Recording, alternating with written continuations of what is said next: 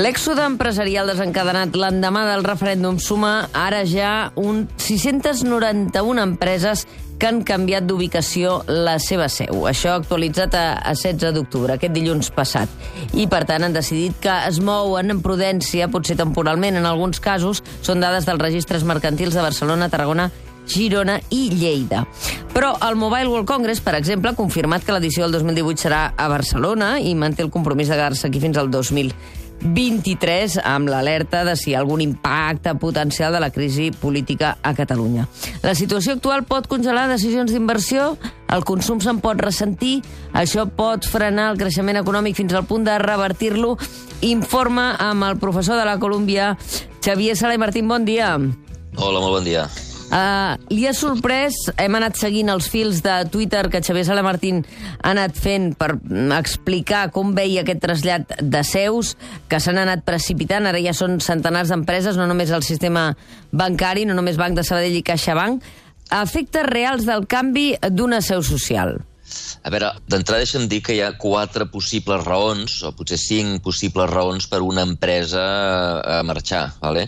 Uh, la primera seria la, la, de les empreses cotitzades en borsa, i aquestes inclouen el Sabadell i la Caixa, eh, doncs, eh, clar, el, la, el que vam veure a partir de l'octubre és que les seves cotitzacions baixaven en picat i van pensar que això era causa, causat per la incertesa del, del, del, del, del referèndum i del postreferèndum i, i aleshores per aturar, ells pensaven que eh, per aturar la, la incertesa que creava la possible independència, doncs si marxaven, canviaven la seu i la posaven a Espanya, la incertesa deixaria de... Mm. deixaria. Sobretot, en el cas dels bancs, aquesta incertesa incloia, deien ells, la, la possibilitat de quedar fora del, del sistema del Banc Central Europeu i això calmaria els inversors i calmaria els dipositants, etc etc.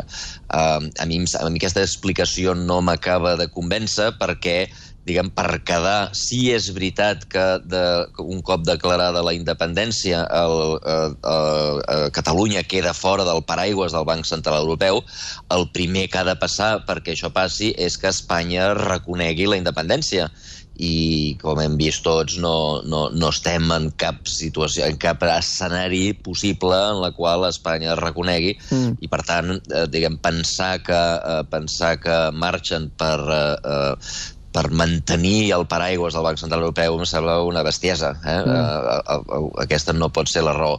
De fet, tampoc és veritat que s'hagin calmat els ànims dels, uh, dels uh, accionistes perquè les accions d'aquests tipus d'aquest tipus d'empreses han, han seguit baixant.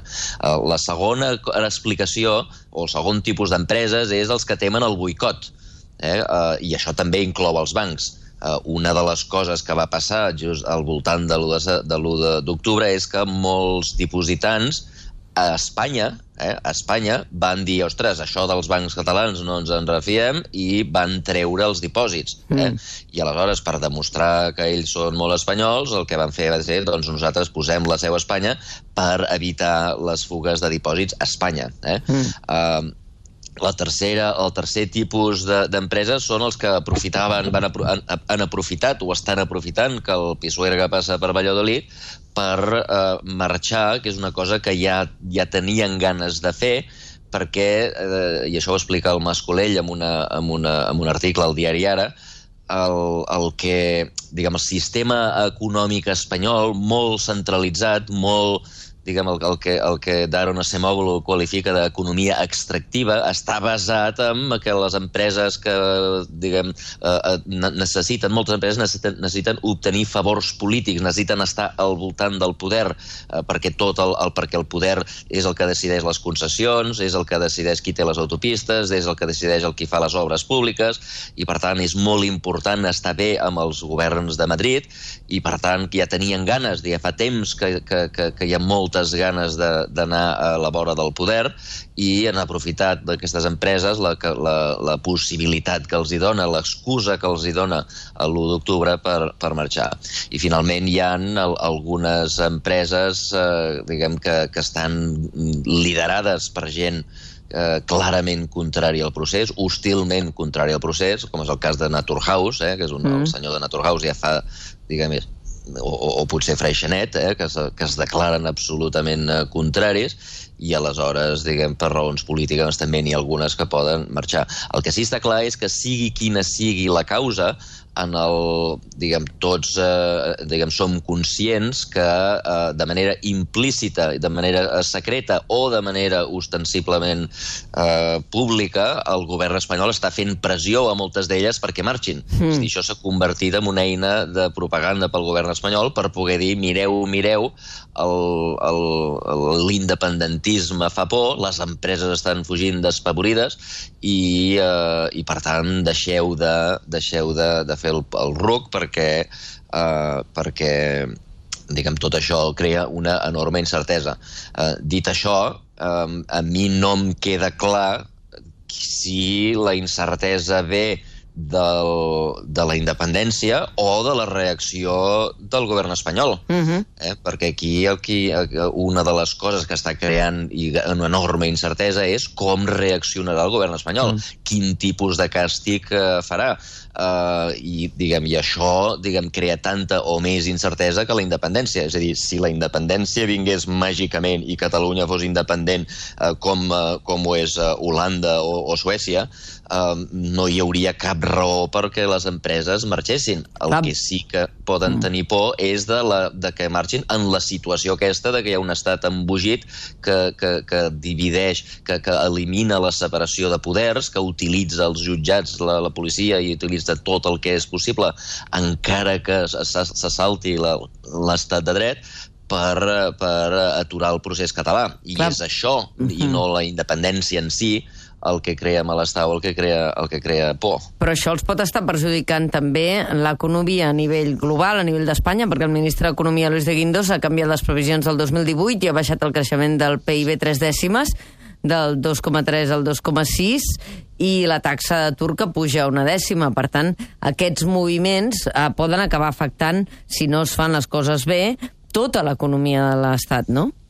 Sí, a veure, els moviments d'empreses per ser no, Mm. Els moviments d'empresa, no, la, la incertesa que es crea de, tant pel procés independentista com la, per la reacció espanyola al procés independentista, eh, el, el, el, diguem, la, la, la situació política crea una incertesa i això sí que pot perjudicar la, diguem, l'economia però el moviment de la seu social per se no té mm. cap efecte. Mm. O sigui, una seu social és una secretària amb un telèfon. Eh, la seu social no és l'edifici, els dos edificis aquests negres de la Caixa mm. que, que, que estan que plens estan de gent treballant, clar. Aquí això segueix plens de gent treballant i, per tant, aquests produeixen producte interior brut a Catalunya, eh, paguen impostos a l'IRPF a Catalunya, quan compren un llapis eh, paguen l'IVA a Catalunya, eh, és a dir, que tota l'activitat la, econòmica es manté intacta a Catalunya. Per Menys l'impost de societats. Bueno, però l'impost de societats resulta que ja es paga a Madrid. Mm. Sí, sí. De fet, de fet, si Catalunya fos independent, aleshores, diguem, les, les empreses espanyoles amb seu espanyola que treballen a Catalunya, que obtenen beneficis a Catalunya, aleshores pagarien el uh -huh. impost de societats a Catalunya. Uh mm. -huh. Igual que les empreses espanyoles que actuen a França i tenen eh, beneficis, paguen l'impost de societats, l'impost sobre els, l'impost de societats és l'impost sobre els beneficis.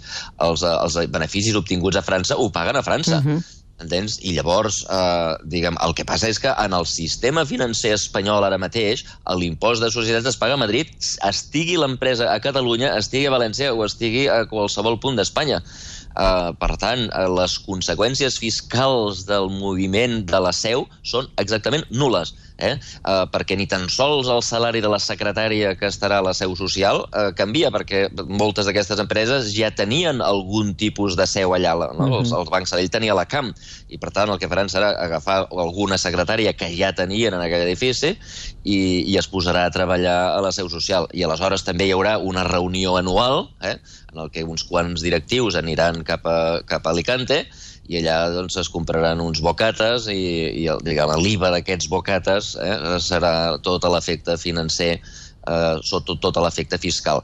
Per tant, l'impacte fins que no, si és que no marxa, eh, diguem, l'edifici, fins, fins que el senyor Feiner no agafi eh, amb unes rodetes a l'edifici negre de la, de la Diagonal i se l'emporti tot en un altre país, eh, tota aquesta gent seguirà treballant aquí, totes les sucursals seguiran aquí, totes les vinyes de Codorniu seguiran aquí, tots els treballadors que treballen a les vinyes seguiran aquí, i per tant, això, la, el trasllat de la seu per si tindrà zero efectes. Mm. Eh? Zero efectes, diguem, directes. Um, el, que, el que sí que té efectes econòmics és la incertesa que crea tant la independència com la reacció mm -hmm. brutal que està tenint Espanya. Això sí que acolloneix a la gent. Això sí que la gent digui, en lloc d'anar al restaurant, doncs es quedin a casa mirant les notícies i, per tant, no consumeixin el restaurant. Per tant, sí, sí que, sí que afectarà la inversió, la gent que ens està sentint ara, que diu, però si jo no tinc cap gran empresa, jo, jo sóc propietari d'un forn o dos forns en el, meu, en el meu poble, no? Això seria una petita empresa, no? Aquestes sí, petites sí, sí. empreses, que ara sembla que el govern català reorientaria la política fiscal per afavorir el teixit de pimes, que en el nostre país és molt ampli, no? Aquestes pensen, home, a veure si la gent ara consumirà menys i invertirà menys i, per tant, el diner es bellugarà menys, justament per la incertesa. Sí, però aquesta, aquesta incertesa és una incertesa del moment en el que vivim. I insisteixo, no és per la independència. Si Catalunya ara mateix fos màgicament independent, no hi hauria incertesa. Mm. No? O sigui, el fet de ser independent, si, si, ara fossin com Holanda, eh, doncs eh, per, per, els, els holandesos no consumeixen pa, els holandesos no van al restaurant. Mm. Clarament, la, la independència en si no faria que estiguéssim 200 anys tots acollonits sense anar al restaurant. No, el, el, el que crea la incertesa és aquesta, eh, la situació de confrontació que hi ha entre el govern català eh, o entre el poble de Catalunya i l'estat espanyol. Entens? Aquesta situació sí que crea, però, però diguem, no, no, no la independència, no és la independència, és la situació aquesta de transició o de, o de temporalitat que no sabem ben bé, però el dia que s'acabi això no, no hi ha cap raó per pensar que els catalans deixarien d'anar al restaurant o els deixa, catalans deixarien de comprar. Uh mhm. -huh. Per tant, no, no diguem que la, el problema és la independència, el problema és la situació aquesta que ve, de, per una banda, dels, uh, del govern català que tira per la unitalaritat, però també del govern espanyol que ha triat la, la violència física i, el, i la violència judicial eh, diguem, per tractar aquest problema. És això el que crea la, la mhm. -huh. independència. O dic, dit d'una altra manera, si ara mateix vingués un àngel europeu i obligués a les parts a fer diàleg, que no sé si pot ser, però si, si, si vingués aquest àngel, sí. fixa't que la, la, la, la, la major part d'incerteses desapareixeria. Mm. Les, la, la, la, no hi hauria ningú que digués, ostres, no vaig, a, no vaig al restaurant perquè o no, no consumeixo, o no compro, o no, o no, o no, o no inverteixo mm -hmm. per por, no? La independència no ha de fer cap por diguem, els, hi ha països més petits, la meitat de petits, diguem, de, de grans que, que Catalunya, mm. com Finlàndia, que tenen bancs normal i corrent, que tenen empreses normals i corrents, que tenen, eh, diguem, que tenen consumidors normals i corrents. Diguem, el fet de que siguin independents no causa ningú cap mena de por. Fins i tot països que abans no eren independents i que ara ho són, com serien Eslovènia o, mm. Estònia, eh, diguem, eh, operen amb tota tranquil·litat amb les empreses normals, els consumidors normals, el fet de que siguin independents, el fet de que no depenguin del, del mercat o del govern espanyol, no els hi causa cap trauma, doncs el mateix passaria a Catalunya. Clar, uh, en l'índex ara feies referència a Estònia. En l'índex de competitivitat global del Fòrum Econòmic Mundial, uh, que recordem, aquest índex de competitivitat global el vas crear tu, amb d'altres col·legues, però que lideres tu, professor Sala i Martín, Estònia, en l'índex de competitivitat d'enguany, està per davant d'Espanya. I els primers, les primeres posicions, els primers països, són països petits, com Suïssa, com Holanda, evidentment hi ha els Estats Units eh, i Singapur. Aquests són els tres primers. Però després hi ha Holanda, hi ha Alemanya, hi ha Hong Kong, hi ha Suècia, hi ha el Regne Unit, Japó, Finlàndia, Noruega, Dinamarca... És a dir, hi ha països petits, amb economies Clar, perquè, petites. Perquè i, per, per, i això és la, la, la, la bellesa econòmica de ser independent, és que et dona aquest dinamisme a l'hora de regular els teus propis interessos.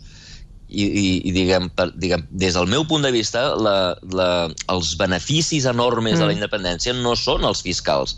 Ja sé que tu em parla dels 16.000 milions i de sí. tot això, però, però això no és el benefici. El benefici és poder decidir la regulació que, diguem, la, les regles del joc sí. que fan que les teves empreses siguin més o menys competitives. El tema és que ells decideixen unes normes que a ells els hi va bé. Per exemple, ells han decidit que l'estructura de país, l'estructura d'estat que volen tenir és absolutament radial perquè mm. fa les infraestructures. Totes les infraestructures han d'anar cap a Madrid, tant si són autopistes, com si són trens d'alta velocitat, com si són el, el, els avions. Eh? Tot ha d'estar anar cap a Madrid, i això és una cosa que beneficia molt a Madrid, però és una cosa que a nosaltres no ens beneficia. Mm -hmm. nosaltres ens agradaria tenir altres, eh, altres infraestructures que beneficiessin tant als nostres ciutadans com a les nostres empreses.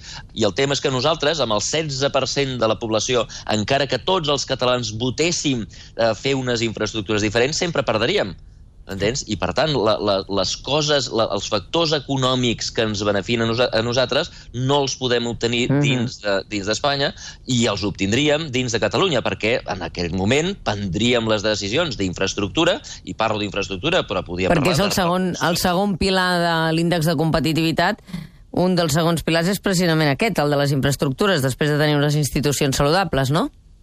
Un és institucions saludables, un altre és infraestructures, també el tipus de regulació, uh -huh. eh? el tipus de regles de joc que es fan, que en un país doncs, beneficien a uns i un altre país podria beneficiar als altres. Per exemple, el decret de pobresa energètica. Sí. No? Uh, nosaltres, el, el, diguem, el Parlament de Catalunya va decidir, potser és que els catalans som tontets i, no, i això no, no, no, no ho sabem fer, però vam decidir que el, en els avis no se'ls hi podia, els avis que tenen ingressos baixos, no mm. se'ls hi pot treure l'electricitat eh, quan fa fred, a l'hivern, encara que no paguin la factura. Eh? Eh, això el Tribunal Constitucional va dir que això el Parlament de Catalunya no ho podia fer i va, eh, i va donar la raó a les grans empreses que van que van anar en contra d'aquesta decisió al Parlament mm. de Catalunya i els hi va donar la raó a les empreses i ens va eliminar aquesta llei i, per tant, el, el, si fóssim independents, podríem decidir aquest tipus de coses. Eh? Uh -huh. uh, I jo crec que, clar, els, el que veiem en els índexs de competitivitat és que, uh, tret dels Estats Units i Alemanya, que estan a dalt de tot, tots els països que són molt competitius sí. són molt petitets. Són petits, sí. Uh, petits. La Suïssa eh, té la mateixa mida, gairebé exacta la mida que Catalunya. Eh? De 6, 6 milions d'habitants i, i 40.000 quilòmetres quadrats, exactament uh -huh. igual que Catalunya. Eh, hi ha països eh, més petits, hi ha països que, com Singapur, que són una ciutat, una pura uh -huh. ciutat. Eh, I hi ha països, diguem, com Holanda, com Finlàndia. Finlàndia és la meitat de Catalunya. Eh, la mida no és... El, el, la mida avui dia no dona competitivitat. Uh mm. -huh. eh? Al segle XIX sí. Avui dia el mercat no és el país, avui dia el mercat és el món. I el missatge canviarem, uh, canviarà l'Estat a la comunitat internacional, al Fons Monetari Internacional, etc que ara ja es comencen a preocupar per veure què passa aquí, uh, si s'aplica el 155 i l'Estat pren el control uh, institucional, econòmic i el té, de, de tota la situació uh, de Catalunya, uh, millorarà o empitjorarà si es manté la revolta social? La, la clau de la pregunta és la té les dues últimes eh, eh, paraules, revolta social. És a dir, si això el que causa, i segurament és el que causarà, és una revolta social, és una vaga general que aturi el transport de mercaderies que venen d'Espanya cap a Europa, passant per Catalunya, que aturi l'activitat econòmica, òbviament Espanya es veurà perjudicada i el Fons Monetari Internacional baixarà les prediccions de creixement encara més. Mm -hmm. Però insisteixo, això no és per culpa de la independència Eh? Uh, si Catalunya fos màgicament independent com ho és Suïssa, encara que estigui fora de la Unió Europea, com ho és com està Suïssa, uh, o com estan molts dels països que estan a dalt de tot, no només en termes de riquesa, sinó en termes de, de, de, de competitivitat que no estan a la Unió Europea, mm. eh, fixa't que no hi hauria cap raó per preocupar-se per l'economia. El que preocupa no és la independència. Mm. El que preocupa és el malestar que crea la situació en la qual els dos governs no estan, no estan, eh, no estan arribant a cap, a cap solució. Si la, si la solució que imposa, imposa el govern per la for espanyol per la força és la violència física, és el, diguem, les decisions eh, diguem, clares clarament no independents de tribunals eh, governats per gent del PP.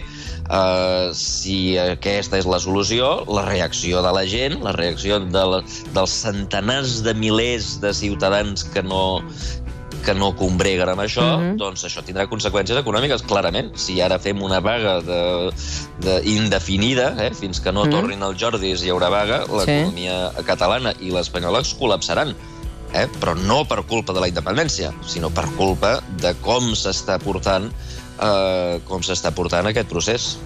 Doncs més clar, eh, l'aigua. Aquest és el punt de vista del professor Xavier Sala i Martín, enmig de la tempesta, enmig del terratrèmol i enmig, evidentment, de veure com acaba finalment eh, aquest conflicte, si en declaració o no d'independència abans del cap de setmana. Avui, excepcionalment, volíem l'informe del professor Sala i Martín en dimecres. Recordeu que és dijous, habitualment, perquè ens ha semblat urgent sentir el seu criteri sobre la situació econòmica. Moltes gràcies, professor. Moltes gràcies i bon dia. Que vagi bé. El matí de Catalunya Ràdio.